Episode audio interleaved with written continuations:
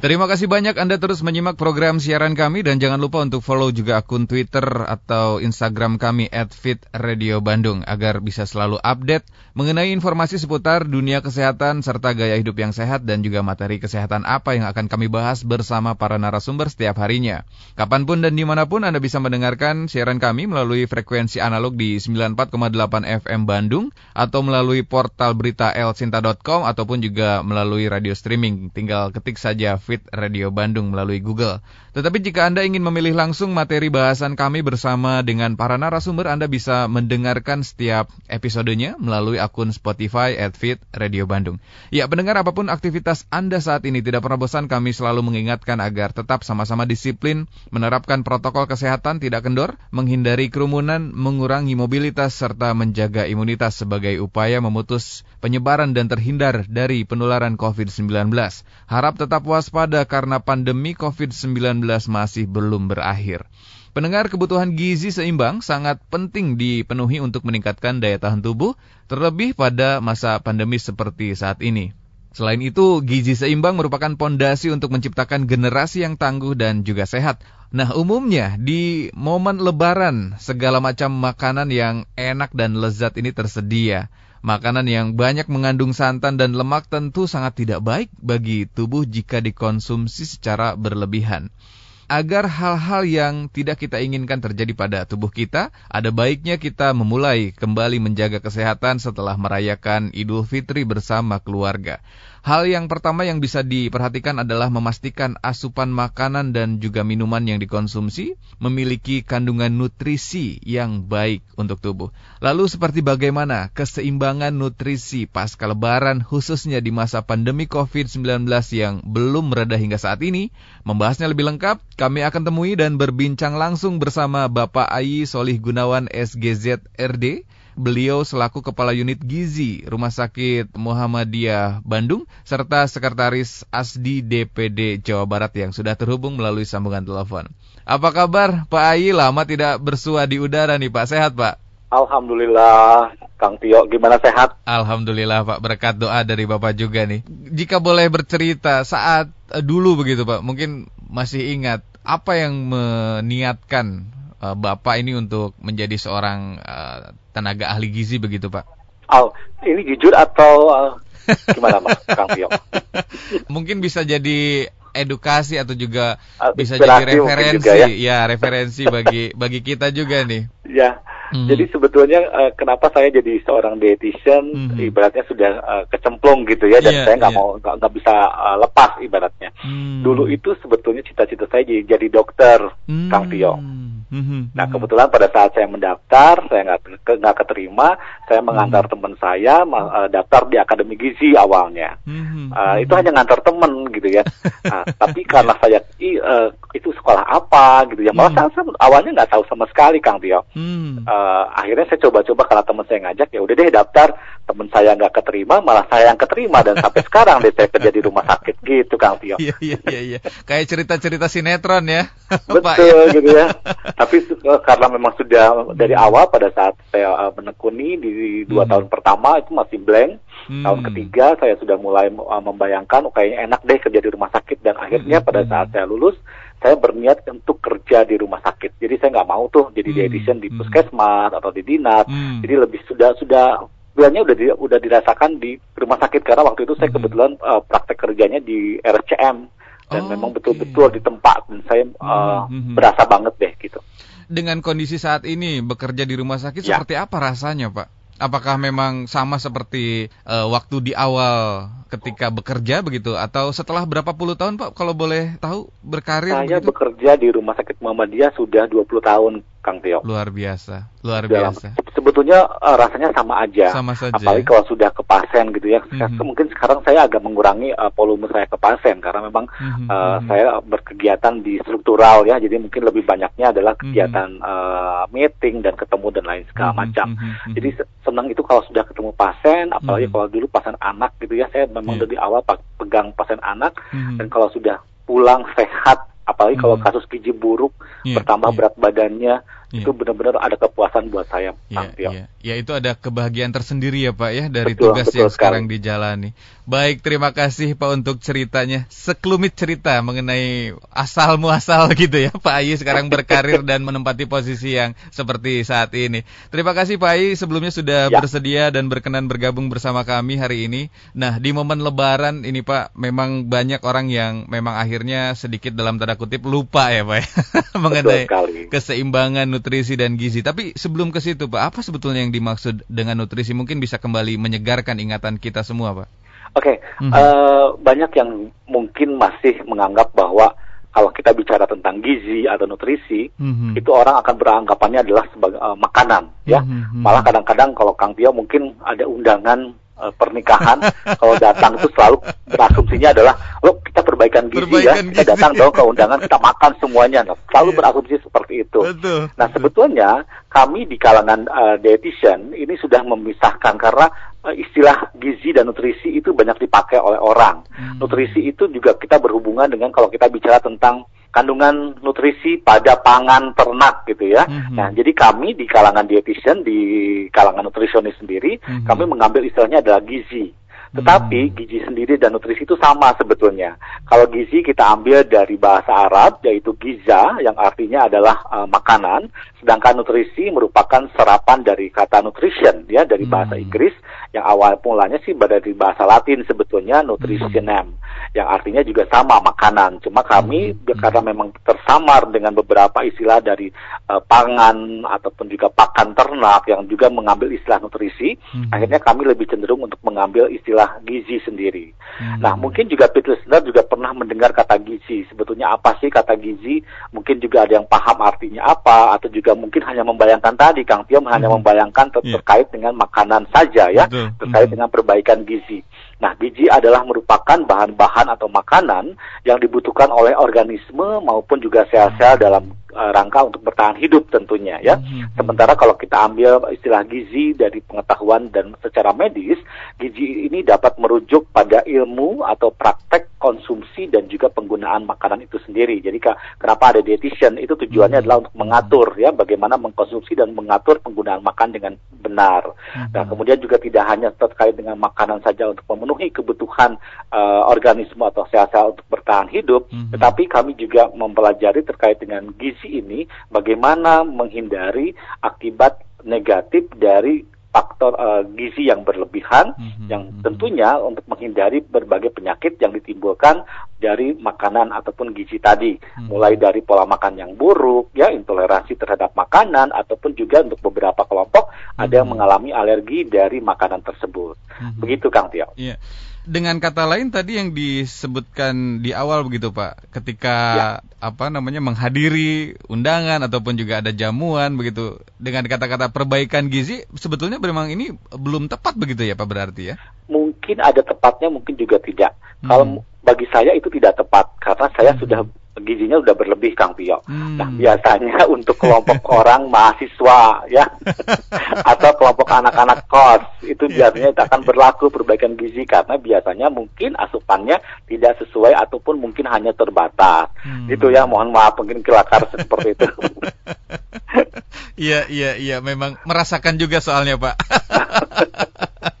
Nah, tapi ketika berhubungan dengan gizi dan nutrisi begitu, apakah memang ini juga bisa ada kaitannya dengan cara memasak begitu atau cara pengolahan begitu ataupun juga cara mengonsumsinya? Ya, mungkin kita juga pernah uh, hampir semua ya, pit listener semuanya juga hmm. uh, Kang Tio juga tahu apa sih gizi dulu waktu zaman SD sendiri kita tahunya gizi adalah makanan yang baik, makanan yang bergizi, hmm. tentunya tidak lepas dari ada beberapa unsur, ada enam unsur ya, ada karbohidrat, ada protein, ada lemak, hmm. ada vitamin, mineral dan juga air gitu ya. Hmm. Nah, dari unsur-unsur tadi ada beberapa yang memang berhubungan dengan cara memasak.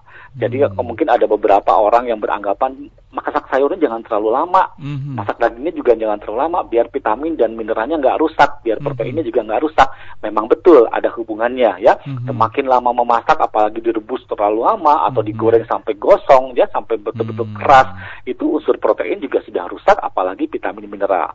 Jadi hmm. tentunya bagaimana tadi kalau gizi secara ilmu gizi ataupun medis hmm. uh, kita bicara bagaimana penyediaan makanan yang baik dan benar, hmm. kemudian bagaimana uh, distribusi makanannya hmm. dan pengolahan yang tepat supaya manfaat hmm. dari makanan tersebut bisa kita manfaatkan untuk kesehatan. Hmm. Begitu. Baik, terima kasih penjelasannya Pak Ai.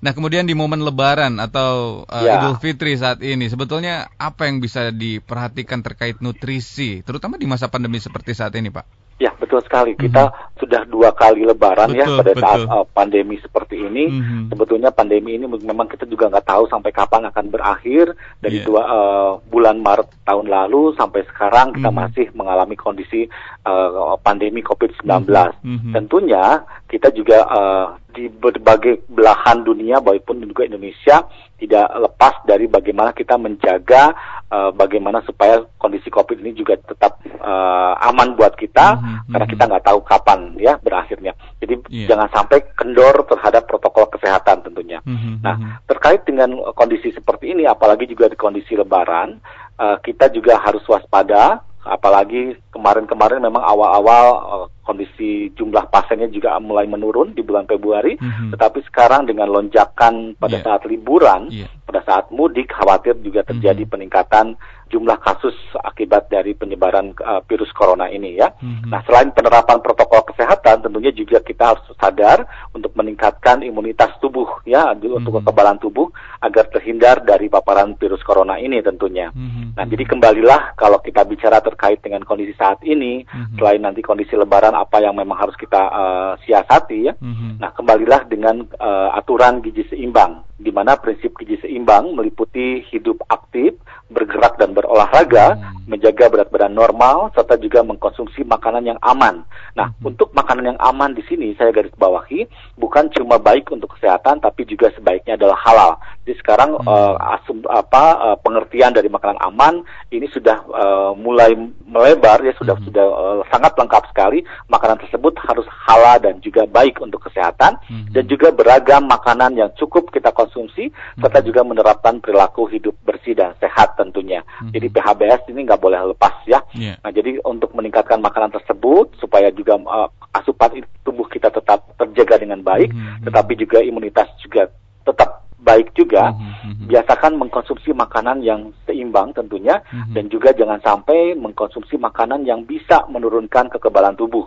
Dari berbagai literatur, dari berbagai studi di mana kekebalan tubuh ini akan menurun pada saat terjadinya kegemukan kelebihan konsumsi gula, kemudian juga kelebihan konsumsi garam dan juga lemak tentunya dan jangan sampai terjadi stres itu juga mempengaruhi dan juga kondisi tidur yang harus cukup. Nah, dari kalau misalnya kita konsumsi gula berlebih, konsumsi garam berlebih, stres, kemudian juga kurang tidur, ini bisa meningkatkan gangguan imunitas atau kekebalan tubuh dan akhirnya terjadilah gangguan kesehatan. Jadi hmm. tentunya kita harus tetap kembali dengan mengkonsumsi makanan berimbang, hmm. batasi makanan yang manis, makanan yang berminyak, hmm. makanan yang terlalu banyak garam, kembalikan dengan meng mengimbangi dengan makanan yang cukup serat dan juga kembali dengan tadi anjuran gizi seimbang. Yeah. Nah, kebetulan yang ingin saya juga uh, tekankan pada saat ini, uh, kemarin-kemarin kita pada saat puasa itu konsumsi uh, apa pola tidurnya juga akan terganggu iya, tentunya yeah, ya. Yeah. Jadi banyak orang yang beranggapan bahwa setelah sahur jangan tidur mm -hmm, katanya ya. Mm -hmm. Jadi akan terganggu. Kebetulan sebetulnya kalau saya selalu menganjurkan silakan saja setelah sahur juga tidur karena mm -hmm. ini juga akan berhubungan dengan uh, jumlah total tidur kita karena malam pun kita terganggu mm -hmm. ya. Uh, sahur pun kita sudah harus bangun jam 3 otomatis konsumsi uh, jumlah waktu tidurnya juga uh, terganggu. Jadi hmm. makanlah dengan cukup dan juga istirahat yang cukup. Hmm. Di samping itu juga Lebaran ini, yeah. bulan puasa ini menjadi momen bagaimana kita mulai mengatur diri. Hmm. Kita sudah mulai bisa membiasakan makanan yang sehat, hmm. kemudian mengatur, menahan, ya jangan tidak berlebihan juga, walaupun mungkin ada beberapa orang yang berlebihan pada saat berbuka hmm. puasa. yeah. Begitu, Kang. Iya, self control berarti ya sebetulnya iya, ya, Pak betul ya. sekali. Baik, terima kasih penjelasannya dan bagi Anda pendengar yang ingin berkonsultasi langsung bersama Bapak Ayi silahkan bisa kirimkan pertanyaannya melalui SMS ataupun juga WhatsApp. Nomornya di 0811 2102 948. Kami ulangi sekali lagi nomornya di 0811 2102 948 ataupun juga bisa DM dan mention kami melalui akun media sosial Twitter @fitradio_bandung. Baik Pak, di momen Lebaran ini banyak sekali cerita, terutama tentang apa namanya sajian begitu yang tersedia. Salah ya. satu tantangannya adalah mempertahankan berat badan ideal ya, ya. seperti tadi Bapak sempat sampaikan begitu dan perlunya keseimbangan nutrisi. Apakah memang ada prinsip atau ada tips begitu yang bisa dilakukan bagi kita di masa seperti saat ini khususnya Pak? Oke, okay. uh, sebenarnya semuanya. Momen Lebaran ini kita ambil hanya dua hari saja.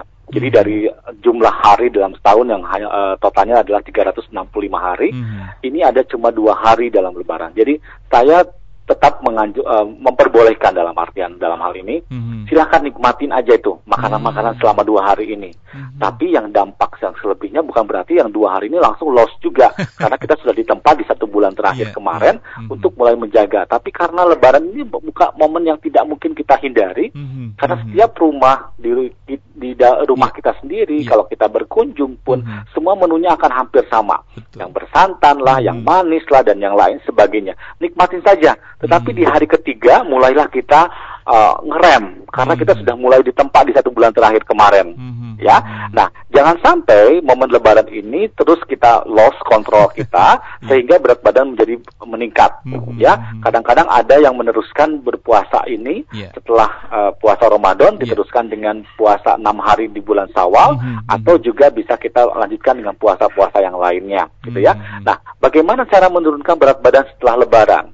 Karena ada beberapa orang di saat puasa itu bukannya berat badannya menurun, ada yang stabil, malah ada yang meningkat karena hmm. mungkin tadi pola makannya yang tidak bisa diatur hmm. pada saat berbuka maupun juga pada saat sahur ya. Hmm. hmm. Nah, saya memberikan beberapa tips bagaimana cara menurunkan berat badan setelah pasca lebaran tadi. Nah. Karena tadi momen-momen lebaran ini tidak mau ditinggalkan ibaratnya yeah, gitu ya, yeah. menikmati semua makanan. Hmm. Nah, mulailah dengan uh, membiasakan puasa sunnah tentunya hmm. ya. Jadi puasa sunnah kita bisa lakukan setelah Lebaran bisa tadi diawali dengan puasa di bulan Sawal enam hari hmm. ataupun juga nanti ke depannya adalah puasa Senin Kamis misalnya hmm. atau puasa selang sehari tapi kalau saya sih lebih menganjurkannya adalah puasa Senin Kamis hmm. kalau memang kita sudah membiasakan tadi kemudian pola makan yang teratur tentunya kembali lagi ya hmm.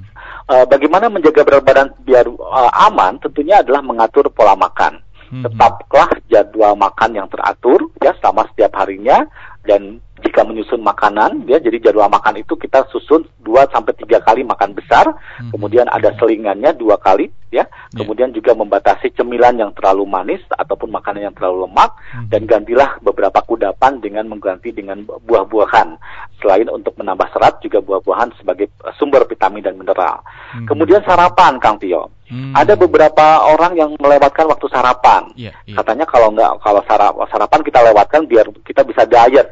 Padahal sarapan ini hmm. sebaiknya tetap kita lakukan. Ini juga uh, dengan dengan melewatkan waktu sarapan sebetulnya tidak akan membantu menurunkan berat badan. Malah hmm. with listener semuanya akan mengalami kehilangan nutrisi. Jadi hmm. makan yang teratur 2 sampai 3 kali sehari tadi ya 3 kali pagi, siang dan sore tanpa melewatkan waktu sarapan. Hmm. Kemudian perbanyaklah asupan serat. Jadi kalau kemarin-kemarin kita makannya banyaknya daging, ya, kemudian banyaknya cake yang manis-manis, kue-kue gitu ya. Mm-hmm. Sekarang mulai lagi berbanyak makanan serat, ya. Yeah. Makanan serat ini bisa membantu menjaga berat badan ideal setelah Lebaran tentunya. Mm-hmm. Makanan yang mengandung serat ini bisa kita pilih dari berbagai sayuran maupun juga berbagai buah-buahan.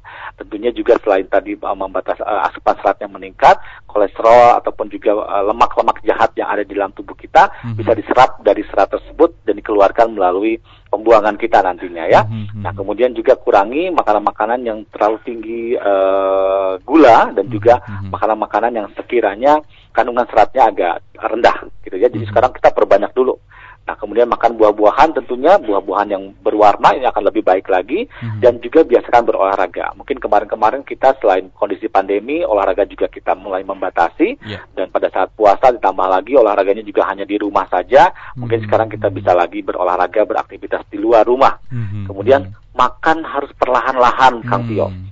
Nah, dengan makan perlahan ini juga sebetulnya kalau kita makannya terlalu cepat, nanti si otak ini tidak bisa memberikan sinyal bahwa kita sudah mulai kenyang karena hmm. makannya cepat jadi akhirnya kalap. Yeah, nah, yeah, yeah. makan yang tepat ini sebetulnya harus perlahan di mana tubuh ini memerlukan waktu 10 sampai 20 menit untuk memberikan sinyal otak kita kepada tubuh kita bahwa kamu udah kenyang nih hmm. gitu ya. Tapi kalau makannya banyak dan cepat yeah, itu yeah. otomatis rasa kenyang ini nggak nggak nggak sampai nih ke tubuh kita. Hmm, hmm, hmm. Ya karena jadi akhirnya kita makannya kalap apalagi kalau misalnya kata habis berbuka puasa yeah, yeah. semuanya dimakan. Hmm, hmm, Pada saat lebaran pun semua dimakan pagi sudah makan, jam 10 cari makanan lagi, jam jam 1 makan lagi, malam pun makan semua ibaratnya bisa empat kali sehari gitu ya. Yeah, yeah. Nah hal-hal seperti itu harus kita biasakan dengan hmm. makan perlahan-lahan. Kemudian biasakan menggunakan piring kecil, Kang Pio. Hmm. Dengan piring kecil otomatis kita kalaupun nambah yeah. kita udah makan sepiring loh. Yeah. Jadi kalaupun nambah jadi kita jadi dua piring gitu ya. Yeah, nah, yeah, biasakan yeah. dengan menggunakan piring kecil supaya kita membiasakan supaya makannya nggak terlalu banyak. Mm -hmm. Dan juga biasakan minum yang cukup gitu ya. Mm -hmm. Dengan minum yang cukup selain kita menghindari dehidrasi juga membantu metabolisme mm -hmm. sehingga ini juga sebetulnya dengan konsumsi air yang cukup bisa jadi tubuh kita, otak kita ini lebih cepat memberikan sinyal haus daripada lapar. Hmm. Jadi kalau sudah haus terlebih dahulu kita minum yang banyak sehingga nanti perut kita juga sudah merasa penuh, hmm. otomatis akan terjadi rasa laparnya sudah mulai berkurang karena kita sudah kenyang dengan air minum tadi. Hmm. Begitu itu beberapa tips yang bisa yeah. kita uh, lakukan di rumah Baik. Tio, begitu. Terima kasih, Pak I. Berarti memang di masa Lebaran begitu ya, Idul Fitri dua hari ini, silahkan nikmati saja begitu ya. Dan nikmati saja. Nikmati saja. ini sebagai hari kemenangan begitu ya, Pak ya. Hari kemenangan, tapi harus tetap ingat karena hmm. yang yang utama adalah nanti di 363 hari ya, ke depannya ya, lagi. Iya. Nah, berarti setelahnya harap uh, waspada di rem begitu ya. Gas tipis-tipis aja begitu. iya. nah, tadi juga sempat disampaikan begitu banyak yang memang kecenderungan saat ini banyak yang melewatkan waktu sarapan, Pak. Ya. Nah, uh, sebelum kita berinteraksi dengan pendengar, Pak, ini sebetulnya sarapan yang baik menunya dan waktunya ini seperti apa, Pak? Oke, sarapan yang baik itu di antara waktu kurang lebih sekitar pukul uh, setengah tujuh sampai delapan ya. Hmm. Jangan melebihi waktu jam delapan. Nah, sarapan tetap harus mengandung unsur karbohidrat, protein, ataupun juga vitamin mineral. Mm-hmm. Tetapi hmm. kalau untuk kalau kita sedang biasanya untuk anak-anak sekolah nih saya selalu menganjurkan yeah. sarapannya jangan terlalu banyak sumber karbohidratnya mm-hmm. ya karena kalau sumber karbonya terlalu banyak itu akan lebih cepat ngantuk. ya. Jadi kalau misalnya yeah. saya lebih suka uh, makan nasi dengan lauk pauk atau mm-hmm. lebih baik nasi goreng, saya anjurkan nasi goreng dengan mm-hmm. konsumsi lemak itu juga bisa memberikan ke, uh, rasa kenyang yang cukup kemudian juga memberikan rasa enak juga, mm-hmm. tetapi mm-hmm. uh, karbohidratnya kita kurangi sehingga tubuh kita nanti tidak akan terlalu banyak membutuhkan oksigen yang nanti rebutan pada saat kita mm-hmm. konsentrasi untuk belajar, berebut yeah. juga dengan kondisi tubuh kita, yeah. sehingga nanti malah lebih cepat ngantuk ya. Jadi makan seperti biasa, yeah. ada karbohidratnya secukupnya, ada protein cukup dengan sayuran, itu saja sudah cukup. Mm-hmm. Atau proteinnya kita bisa kombinasi antara hewani maupun nabati, atau cuma protein hewani pun juga nggak masalah. Iya iya. Begitu. Nah komentarnya pak, karena biasanya gitu ya, yang tersedia menu-menu yang tersedia secara umum ketika waktu sarapan ini adalah bubur ayam, nasi ya. kuning, ya. kupat tahu, lontong kari. Ini komentarnya seperti apa Pak? Apakah memang sesuai juga dengan yang tadi disebutkan menu yang uh, sesuai untuk sarapan begitu? Ya, uh, misalnya kita mengambil uh, kupat tahu, mm -hmm, ya, -hmm. kupat tahu silakan dikonsumsi nggak masalah sebagai menu sarapan kita. Mm. Tetapi alangkah lebih baiknya lontongnya itu kita nggak usah banyak-banyak, hmm. kita bisa minta tambahkan tahu atau juga dengan togenya, hmm. gitu, hmm. tambah selain bumbu dan kerupuk tentunya ya. Yeah, Jadi yeah. tetap dalam piring itu sajiannya satu piring, tetapi lebih banyak sayuran dan uh, proteinnya dari tahu. Hmm. Jadi uh, lontongnya secukupnya saja. Begitu juga dengan lontong kari dan lain sebagainya. Silahkan lontongnya nggak usah banyak-banyak hmm. gitu ya. Hmm. Nasi kuning bagaimana? Boleh silahkan nasi kuning secukupnya saja, hmm. porsi nasinya yang nggak usah banyak-banyak. Hmm. Jadi kalau nasi kuning biasanya suka ada telur kan. Hmm. Nah bubur ayam pun juga sama bubur ayam kita tambahkan telur, ada suwir hmm. ayam, ya kerupuk, dan buburnya mungkin nggak usah banyak-banyak. Jadi siasati dengan piringnya tetap sama, hmm. pakai piring yang biasa, tetapi karbo, sumber karbonnya yang kita kurangi, hmm. hmm, hmm. supaya tujuannya tetap kenyang juga dan untuk nutrisi pun juga tetap terjamin. Hmm. Uh, bukan berarti harus kenyang banyak dari sumber karbo saja. Gitu. iya iya ya. iya. Jadi kalau nasi padang ini bukan menu buat sarapan ya pak ya? Kurang cocok karena memang terlalu berat gitu ya. Sebaiknya kalau untuk makan siang, makan malam malam diperbolehkan. Baik, Baik terima kasih Pak. Nah, kemudian bagaimana dengan keanekaragaman makanan yang ada di sekitar kita ini yang baik begitu bagi kesehatan kita Pak? Ya, Uh, betul sekali. Kita harus paham terkait dengan kenapa sih kalau kita dia ahli gizi, dietitian maupun juga nutrisionis mm-hmm. selalu menganjurkan beraneka ragam pangan ini baik sekali untuk kesehatan. Mm-hmm. Ya. Mhm. Nah, yang perlu dipahami adalah tidak ada nutrisi yang lengkap dari satu bahan pangan saja dari satu makanan saja. Hmm. Jadi saling melengkapi makanan uh, gizi tersebut dari berbagai makanan yang beraneka ragam tentunya. Hmm. Nah, kalau kita bicara tentang keanekaragaman pangan, ini sebetulnya kita masih mengacu kepada PUGS atau Pedoman Umum Gizi Seimbang hmm. yang sudah dikenalkan oleh pemerintah kita tentunya ya. Jadi ada 13 pedoman umum uh, gizi seimbang yang yang pertama kali disampaikan adalah makanlah aneka ragam makanan. Hmm. Nah, makanan yang beraneka ragam ini adalah makanan yang mengandung unsur gizi yang diperlukan tubuh, ya, yeah. baik kualitas maupun juga kuantitasnya atau makanan yang mengandung makanan yang uh, yang terkandung dari makanan tersebut adalah mengandung zat tenaga, hmm. karbohidrat, lemak ya, kemudian protein sebagai unsur pembangun dan juga vitamin hmm. mineral sebagai zat pengatur tentunya. Nah, dari makanan tersebut dari berbagai makanan yang kita konsumsi dengan jenisnya dan juga uh, jumlahnya yang cukup, tetapi kita ganti sumber-sumbernya tadi, ini akan memberikan asupan nutrisi yang lengkap sekali. Hmm. Jadi karbohidrat kita mungkin nggak harus nasi saja, bisa dengan kentang, bisa dengan umbi-umbi kemudian hmm. roti sesekali, mie juga silakan gitu ya. Nah, hewani pun juga kita tidak hanya berpaku pada telur saja, hmm. ayam, ikan, daging sesekali nggak masalah itu bagus sekali gitu ya. Begitu juga dengan sayuran kita variasikan buah-buahan juga kita variasikan hmm. untuk mendapatkan unsur gizi yang lengkap dari berbagai sumber makanan tadi. Hmm. Gitu ya, selain penganekaragaman pangan ini juga pesan gizi seimbang ini juga harus makanan uh, makanlah dengan konsumsi kebutuhan energi yang cukup Kemudian makanlah makanan sumber karbohidrat setengah dari kebutuhan energi, mm-hmm. jangan terlalu banyak. Ternyata juga ada pesannya khusus ya. Mm-hmm. Kemudian pilihlah makanan yang berkadar lemak sedang mm-hmm. dan mhm. juga rendah lemak tentunya, apalagi mm-hmm. untuk lemak jenuh ya. Yeah. Kemudian gunakan biasakan garam berjodium, makanlah makanan dengan uh, makanan yang mengandung zat besi. Kemudian kalau untuk uh, balita, untuk bayi, berikan ASI kepada bayi kita sampai usia 6 bulan mm-hmm. dan barulah ditambahkan dengan MPASI. Hmm. Kemudian biasakan makan pagi. Nah, ini juga muncul lagi pesannya hmm. di dalam 13 PUGS tadi ya. Yeah. Biasakan makan pagi, kemudian minumlah air bersih dan aman dengan jumlahnya yang cukup, lakukan kegiatan fisik dan olahraga secara teratur, kemudian hindari makan uh, minuman-minuman beralkohol, hmm. makanlah makanan yang aman bagi kesehatan dan jangan lupa bacalah label makanan di kemasan kalau kita membeli makanan yang sudah hmm. dikemas. Begitu Kang Tio. Baik. Jadi memang tidak bisa berdiri sendiri harus saling melengkapi begitu ya. Saling melengkapi hmm. betul. Hmm. Kang Tio juga mungkin ada teman, ada pasangan itu kan tujuannya adalah untuk saling melengkapi. Makanan juga ya berarti ya. betul dalam ya. kehidupan sehari pun juga harus saling melengkapi. Nah, tapi bagaimana cara kita bisa mengukur kebutuhan atau keseimbangan nutrisi begitu yang yang setiap masing-masing begitu? Apalagi ya. yang berdasarkan usia, Pak.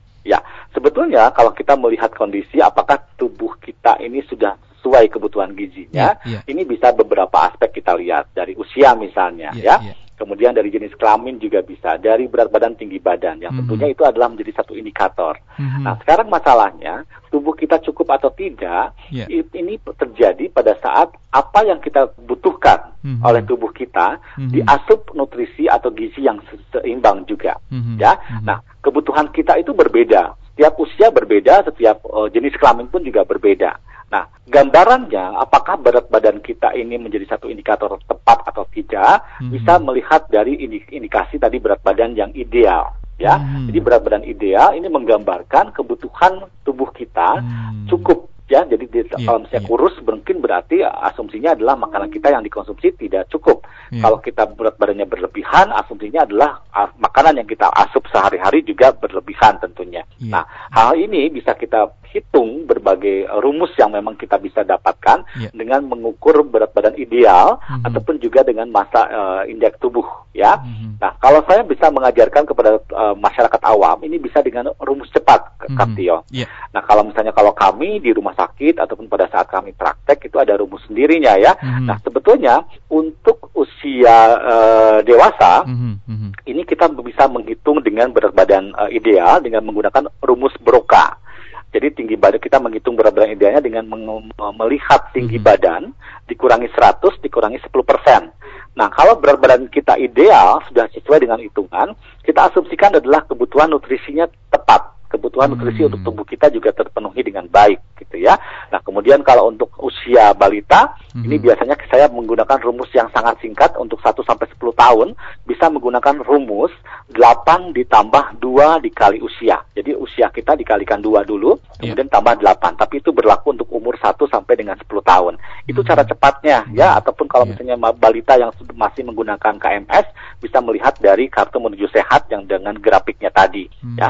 Jadi intinya kalau kita misalnya dengan eh, konsumsi makan tersebut juga dan berat badannya sesuai, berat badan idealnya tercapai, yeah. kemudian juga tidak ada dampak dari kelebihan berat badan ataupun kurangnya berat badan ataupun juga penyakit yang berdampak dari makanan, hmm. insya Allah kebutuhan nutrisi kita atau kebutuhan gizi kita untuk tubuh kita hmm. itu sudah terpenuhi dengan baik. Begitu Kang Tia. Baik, terima kasih. Jadi memang ada rumusnya ya untuk menghitung ya Pak ya? Ada, ini... karena ini cara cepat sekali. Jadi kalau kadang-kadang hmm. suka ada yang bertanya begini, hmm. e, Pak kalau anak saya yang lima tahun berapa idealnya berapa kalau pakai hmm, pakai hmm. cara khusus kan lama tuh yeah, saya yeah. langsung aja pakai rumus cepat jadi orang wah bapak hebat sekali ya bisa menilainya dengan cepat padahal saya pakai rumus cepat ada kisi-kisinya ya pak ya ada kisi-kisinya ya ini untuk yang dewasa tinggi badan dikurangi 100 dibagi eh, ya. dikurangi 10% begitu ya pak ya dikurangi 10% dari hasil tadi jadi kalau misalnya tinggi badannya 150 mm -hmm, dikurangi atau 100. 170 gitu ya Baik. 170 dikurangi 100 hmm Kurangi lagi 10 persennya, 70 hmm. kurangi 7 berarti 63, 63 kilo idealnya. Ya. Itu idealnya ya Pak ya? Ya. Baik, ini ilmu baru buat saya Pak.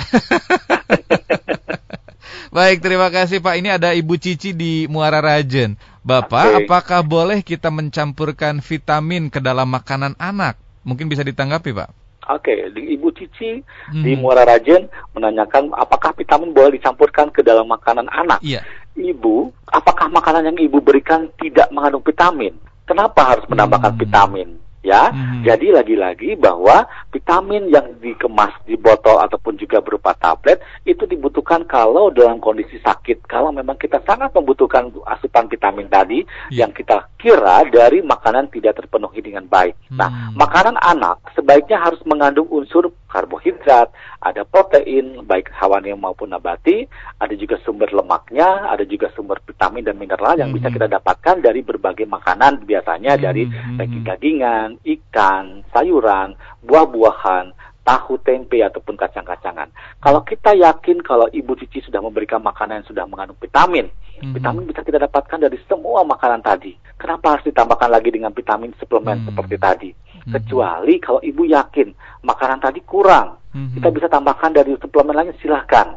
Hmm. Tetapi bukan berarti setiap makanan anak yang kita sajikan hmm. itu harus ditambahkan vitamin tadi ya hmm. yakinlah bahwa sumber vitamin ada di dalam bahan makanan semua makanan mengandung vitamin hmm. tapi bagaimana cara mengolahnya dan sumber apa yang paling tinggi dari vitamin tersebut yang bisa kita berikan hmm. buat anak kita hmm. ibu kalau untuk anak saya sarankan selain dari makanan yang seimbang dengan pemberian tiga kali makanan dan dua kali selingan kemudian makanan beraneka ragam jangan lupa berikan 1 sampai dua gelas susu pertumbuhan untuk menambah asupan makanan hmm. berupa protein maupun juga vitamin dan mineralnya yang yang kita khawatir dari asupan makanan yang kita olah sendiri itu berkurang gara-gara cara pengolahannya yang kurang tepat. Begitu Ibu Cici di Muara Rajin. Baik. Pak, jika untuk makanan instan begitu untuk anak-anak, apakah ini juga atau khususnya untuk bayi gitu kan banyak sekarang di ya. di di pasaran begitu ya Pak ya? Apakah ini memang ya. sudah ya. uh, bisa dikatakan aman atau memang perlu ditambahkan vitamin uh, lagi begitu Pak untuk pemberiannya?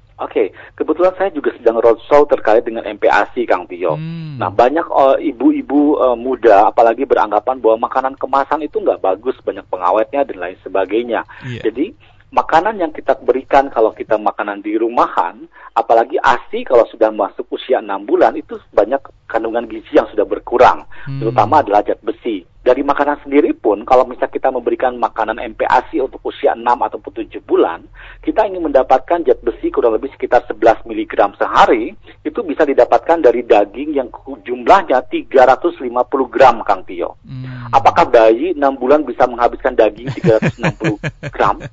Atau makan bayam itu harus dua mangkok besar? Atau makan dari brokolinya juga kurang lebih satu mangkok besar, hmm. itu tidak mungkin.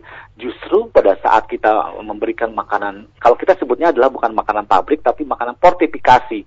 Makanan hmm. fortifikasi ini sangat membantu untuk memberikan asupan selain protein juga vitamin dan juga zat hmm. besi. Hmm. Ingat bunda semuanya kalau, kalau misalnya kita bicara tentang nutrisi untuk bayi, zat besi ini penting sekali untuk masa depannya ya untuk mm-hmm. kecerdasan, fungsi kognitif dan lain sebagainya juga untuk mencegah infeksi. Jadi berikan makanan secukupnya dan kombinasikan mm-hmm. dengan makanan MPASI fortifikasi yang mm-hmm. sudah dijual di dalam kemasan yeah. karena itu sangat membantu. Insya Allah untuk keamanannya karena memang ini sudah diawasi oleh Departemen Kesehatan mm-hmm. dalam ini BP, uh, BPOM sudah sesuai dengan standarnya dan yang penting lagi ya tadi adanya penelitian bahwa balita hmm. kita banyak sekali mengalami kekurangan mikronutrien, hmm. terutama adalah vitamin, mineral, dan terutama lagi adalah zat besi. Hmm. Jadi sebaiknya jangan khawatir dengan makanan yang kita sajikan di rumah, kombinasikan dengan makanan MPASI fortifikasi. Begitu Kang Tio. Baik, terima kasih tanggapannya untuk Ibu Cici di Muara Rajen, Pak. Ini menyambung ada Ibu Yuli di Antapani. E, bagaimana cara membuat anak agar mau mencoba makanan baru dan bagaimana ukuran porsi untuk makan anak, Pak? Terima kasih. Ya, uh, kebutuhan nutrisi untuk anak ini lima kali lebih banyak dari dewasa sebetulnya. Okay. Ya, jadi kalau kita lihat, jadi hmm. bukan berarti totalnya, tapi kadar gizinya hmm. kalau kita menghitung hmm. untuk anak ini cuma uh, kebutuhannya itu besar sekali, kurang hmm. lebih sekitar 100 sampai 125 kalori hmm. per kilogram berat badan. Hmm. Ya, kalau dewasa ini cuma 25 sampai 30 kalori yeah, per yeah, kilogram yeah. berat badan. Hmm. Karena anak ini berat badannya kecil, walaupun peng, uh, tadi kebutuhannya sampai 100 ya tapi jadi yeah, yeah. jadinya totalnya lebih kecil. Kalau dewasa walaupun sedikit tapi berat badannya berlebih berlebih mm -hmm. apa lebih besar mm -hmm. sehingga totalnya menjadi lebih besar. Padahal kebutuhan nutrisi untuk si kecil kita untuk mm -hmm. buah hati kita itu lebih besar lima kali dari kebutuhan orang dewasa. Mm -hmm. Nah tentunya hal ini harus kita penuhi dengan baik ya. Jadi mm -hmm. berikan makanan yang cukup ya berikan makanan sesuai dengan kebutuhannya tadi. Mm -hmm. Tentunya juga dengan mensiasati bagaimana kalau kita uh, ada anak yang kita makanan ini nggak mau makanan itu malah pilih-pilih ya mm-hmm. mengenalkannya seperti apa kenalkan dengan makanan yang baru pada saat kondisi anak sedang dalam kondisi sehat mm-hmm. ya mm-hmm. biarkan makanan yang dia disukai oleh oleh anak tersebut kita hilangkan dulu jangan berikan makanan yang paling disukai oleh anak kita jadi taruh makanan yang baru yang akan kita kenalkan, mm-hmm. ya. Mm-hmm. Hindari makanan-makanan yang kira-kiranya akan mengganggu tadi. Mm-hmm. Pada saat lapar, si anak tersebut mungkin akan mencicip, akan mm-hmm. mau, walaupun ada yang sedikit nangis, ya. Mm-hmm. Jadi nggak mau mm-hmm. dengan makanan yang kita siapkan. Yeah, yeah. Nah, hal seperti ini sebetulnya bisa kita terus kita berikan. Kalau mm-hmm. dia sedang menangis dengan makanan yang kita sajikan, yeah, kita yeah. berikan lagi makanan yang dia sukai. Terus tarik ulur seperti itu. Mm-hmm. Lama kelamaan dia akan menyukainya. Intinya makanan yang kita berikan untuk buah hati kita, untuk anak kita, mm-hmm. berikan makanan yang enak dan mm-hmm. berikan makanan pada saat dia lapar. Mm-hmm. Kalau dia nggak lapar, dia sedang dalam kenyang, dia pasti nggak mau makan. Mm-hmm. Apalagi dengan makanan yang tidak enak. Ya, kuncinya mm-hmm. hanya dua: berikan makanan pada saat kondisi lapar mm-hmm. dan berikan makanan dengan kondisi enak. Begitu Baik. kuncinya. Baik, terima kasih. Ini tanggapan untuk Ibu Yuli. Jadi nangis sedikit nggak apa-apa ya Pak. Ini untuk gak kebaikan apa -apa, kita ya. mengajarkan. Baik. Nah, kemudian ada ini sepertinya uh, anak kosan nih Pak, Mbak Leli di Cibiru. Pak, apa okay. benar kalau anak kos selalu rentan dengan kurang gizi? Karena mie instan dan telur sebagai menu mewah kami, Pak. ya sebetulnya mengeneralisir uh, bahwa anak kosan juga kurang gizi mungkin nggak juga ya Kang hmm. Tio ya karena ada juga anak kosan yang gemuk-gemuk gitu ya anak kosan juga yang suka yeah. memanfaatkan uh, mungkin beberapa dengan memilih bahan makanan yang sehat hmm. tetapi kembali kalau kita sudah sadar bahwa kita makan cuma indomie hmm. uh, mie mie hmm. instan dengan uh, telur saja yeah. itu kurang begitu seimbang Walaupun sebetulnya kebutuhan total kalorinya akan memenuhi kebutuhan tubuh kita, tetapi tidak berimbang. Hmm. Ingat kebutuhan yang berimbang itu adalah dengan komposisi karbohidrat kurang lebih sekitar 50 sampai dengan 60 persen hmm. dari total kalori, kemudian protein kurang lebih sekitar 15 sampai dengan 20 persen, hmm. dan juga lemaknya kurang lebih sekitar 20 sampai 25 persen. Jadi bukan cuma 100 persen dari karbohidrat, gitu ya. Hmm. Masih untung ada telurnya. Hmm. Kadang-kadang tadi anak kosan telurnya udah nggak ma nggak makan, tapi cuma mie instan dengan nasi. Nah itu yang lebih parah. Jadi yeah, semuanya sumber yeah. karbohidrat. Kebutuhan hmm. kalorinya disuplai dari 100% sumber karbohidrat. Hmm. Ya tidak ada dari protein, tidak ada dari lemak, hmm. tidak ada dari uh, sayuran dan juga hmm. buah-buahan yang lain. Itu yang dikatakan bahwa uh, anak kosan rentan dengan kondisi uh, yeah. kurang gizi, tapi kurang gizinya kurang gizi yang mana? Hmm. Mikronutrien ataupun zat gizi yang lainnya. Jadi hmm. kelebihan asupan karbohidrat karena konsumsi mie instan dan nasi yang berlebihan. Itu masalah gizinya. Masih untung kalau ada telurnya ya Pak ya? Masih untung Masih gitu ya. ya. Ini kalau nggak mie instan pakai nasi tambah kerupuk Pak. nah itu dia. Jadi kalau kita lihat hmm. bikin mie instan, Kang Tio juga mungkin melihat ada saran penyajiannya di yeah, dalam iya. bungkusnya. Yeah, yeah, yeah, itu yeah. adalah yang memang disarankan oleh si produsen hmm. tadi. Jadi bukan cuma pada bukan berarti pada saat ngebuka oh semuanya nutrisinya lengkap seperti yang ada di bungkus tidak ada. Yeah, yeah, Jangan sampai yeah. juga tertipu dengan rasanya rasa hmm. Rendang, rasanya rasa mie hmm. kocok Bandung dan lain sebagainya tapi isinya cuma ya karbo lagi karbo lagi gitu ya. Iya. Jadi harus ditambahin sayur sendiri, telur sendiri juga ya, Pak ya. Tambahkan sumber protein, tambahkan juga sayuran gitu ya jadi supaya lebih lengkap lagi. Ya, ini Pak I kayaknya hafal banget tentang mie ya. Iya. Baik, ada Karena Bapak. Juga bagian dari makanan kita ya. Nah, betul sekali. Tidak bisa dihindarkan ya Pak ya, memang itu betul, sudah betul. jadi bagian dari makanan seharian. Ada Bapak Yanto ya. di Sekeloa Pak. Ini apa untuk air minum mineral yang cukup? Setiap orang itu sama, 8 gelas per hari. Dan apakah benar banyak minum air putih ini bisa membuat perut jadi agak buncit? Terima kasih. Oke. Kebutuhan air minum secara umum memang kita selalu menganjurkan untuk simpelnya adalah kurang lebih sekitar 8 gelas sehari atau kurang lebih juga 2 liter sehari. Mm-hmm. Nah, dari konsumsi 8 gelas atau 2 liter sehari itu wajib 50% disuplai dari air minum, Bapak ya. Mm-hmm. Nah, 50%-nya boleh kita uh, suplai dari makanan yang tinggi air. Tetapi secara umum kita bisa menghitung kebutuhan cairan ini untuk pasien terutama kami menghitung kurang lebih sekitar 30 mili per kilogram berat badan. Tentunya kalau sudah ada aturan uh, kilogram berat badan tentunya akan berbeda setiap individu. Mm-hmm. Tapi secara umum umum untuk kelompok masyarakat umum bisa disamaratakan kurang lebih sekitar 8 gelas ataupun 2 liter sehari dengan hmm. konsumsi tadi minimalnya 50%-nya dari air putih atau air minum hmm. ya. Nah, kemudian kalau kita banyak, banyak mengkonsumsi uh, air putih hmm. ataupun air mineral apakah hmm. juga akan membuat perut puncit? Hmm. Perlu diketahui oleh Bapak, Bapak Yanto, air itu tidak mengandung unsur kalori sama sekali. Hmm. Yang bikin perut buncit adalah asupan makanan yang berlebihan dari sumber karbohidrat maupun juga lemak.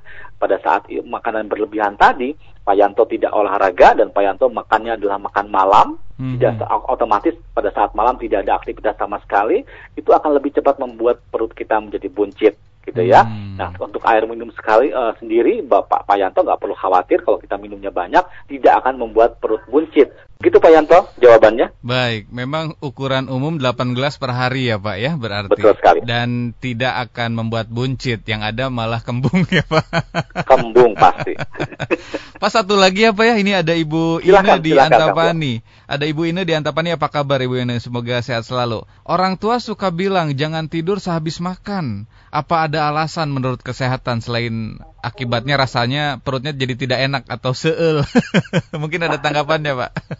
Ya, sebetulnya kalau uh, habis makan uh, jangan tidur tuh karena kalau pada saat kondisi tidur kemampuan tubuh untuk memetabolisme juga menurun. Hmm. Begitu ya, walaupun sebetulnya pembakaran masih berlanjut ya, metabolisme kita masih berjalan tapi yeah. uh, kapasitasnya jadi menurun. Hmm. Nah, pada saat makan tadi jadi uh, harusnya di metabolisme dengan baik, yeah. mungkin jadinya malah jadi disimpan dalam bentuk lemak ya, jadi tidak di, tidak diproses secara uh, maksimal sehingga tubuh kita menjadi ke kelihatan jadi cepat meningkat uh, berat badannya. Mm-hmm. Nah sebaiknya kalau kita mau tidur biasakan dulu kurang lebih sekitar dua jam sebelum tidur kita makan terakhirnya seperti itu. Mm-hmm. Jadi makanan sudah kita uh, diolah oleh tubuh kita yeah, yeah. karena makanan diproses di dalam tubuh kita kurang lebih sekitar 2 sampai tiga jam. Jadi mm-hmm. setelah mm-hmm. itu kalau misalnya kita mau tidur dipersilahkan. Tapi pada saat makan langsung tidur ya tadi jadi otomatis tubuh kita tidak akan memetabolisme secara uh, sempurna. Mm-hmm. Begitu Kang Tio. Baik, jadi ada rentang waktu kurang lebih dua jam ya Pak ya setelah makan. Ya, dua sampai tiga jam. Dua sampai tiga jam lalu silahkan untuk istirahat atau tidur. Baik, terima kasih betul. Pak sudah menanggapi interaksi dari pendengar. Kami juga tidak ingin mengganggu waktunya lebih lama. Sebagai penutup mungkin bisa disampaikan closing statement mengenai poin bahasan yang kita angkat hari ini Pak. Oke, Uh, sebetulnya saya senang-senang aja Kak Kang Tio mm-hmm. untuk menjawab pertanyaan dari mm-hmm. pendengar semuanya ya. Mm-hmm. Mudah-mudahan sih bisa membantu semua.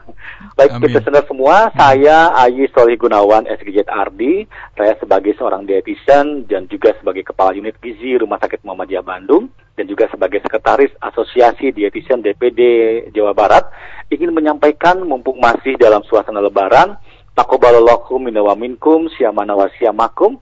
Mohon maaf lahir dan batin dan pada momen kali ini, jadikanlah momentum puasa dan lebaran ini sebagai awal kita mulai membatasi, mengatur, dan mendisiplinkan diri dalam hal makanan tentunya, agar tubuh sehat, tetap bugar, dan kondisi kesehatan terjamin dengan baik. Kesehatan yang baik bukan dilihat dari gemuk atau berotot saja, tetapi antara asupan dan pengeluaran energi dalam tubuh kita seimbang guna menghindari masalah gizi yang timbul di masa yang akan datang tentunya. Dan yang pasti jangan lupa dengan Healthy Lifestyle Radio dan Stay Fit for Life di 94,8 FM Bandung.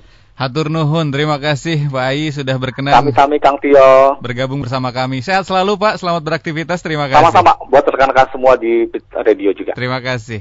Demikian pendengar perbincangan kami bersama Bapak Ai Soli Gunawan SGZ Ardi selaku Kepala Unit Gizi RS Muhammadiyah Bandung serta Sekretaris ASDI DPD Jawa Barat. Terima kasih bagi Anda yang sudah bergabung dan mohon maaf jika ada pertanyaan yang lain yang belum sempat kami sampaikan. Tetapi bagi Anda yang baru saja bergabung dan tidak sempat mendengarkan mendengarkan perbincangan kami secara utuh, Anda bisa menyimak kembali setiap episodenya melalui podcast Spotify at Fit Radio Bandung.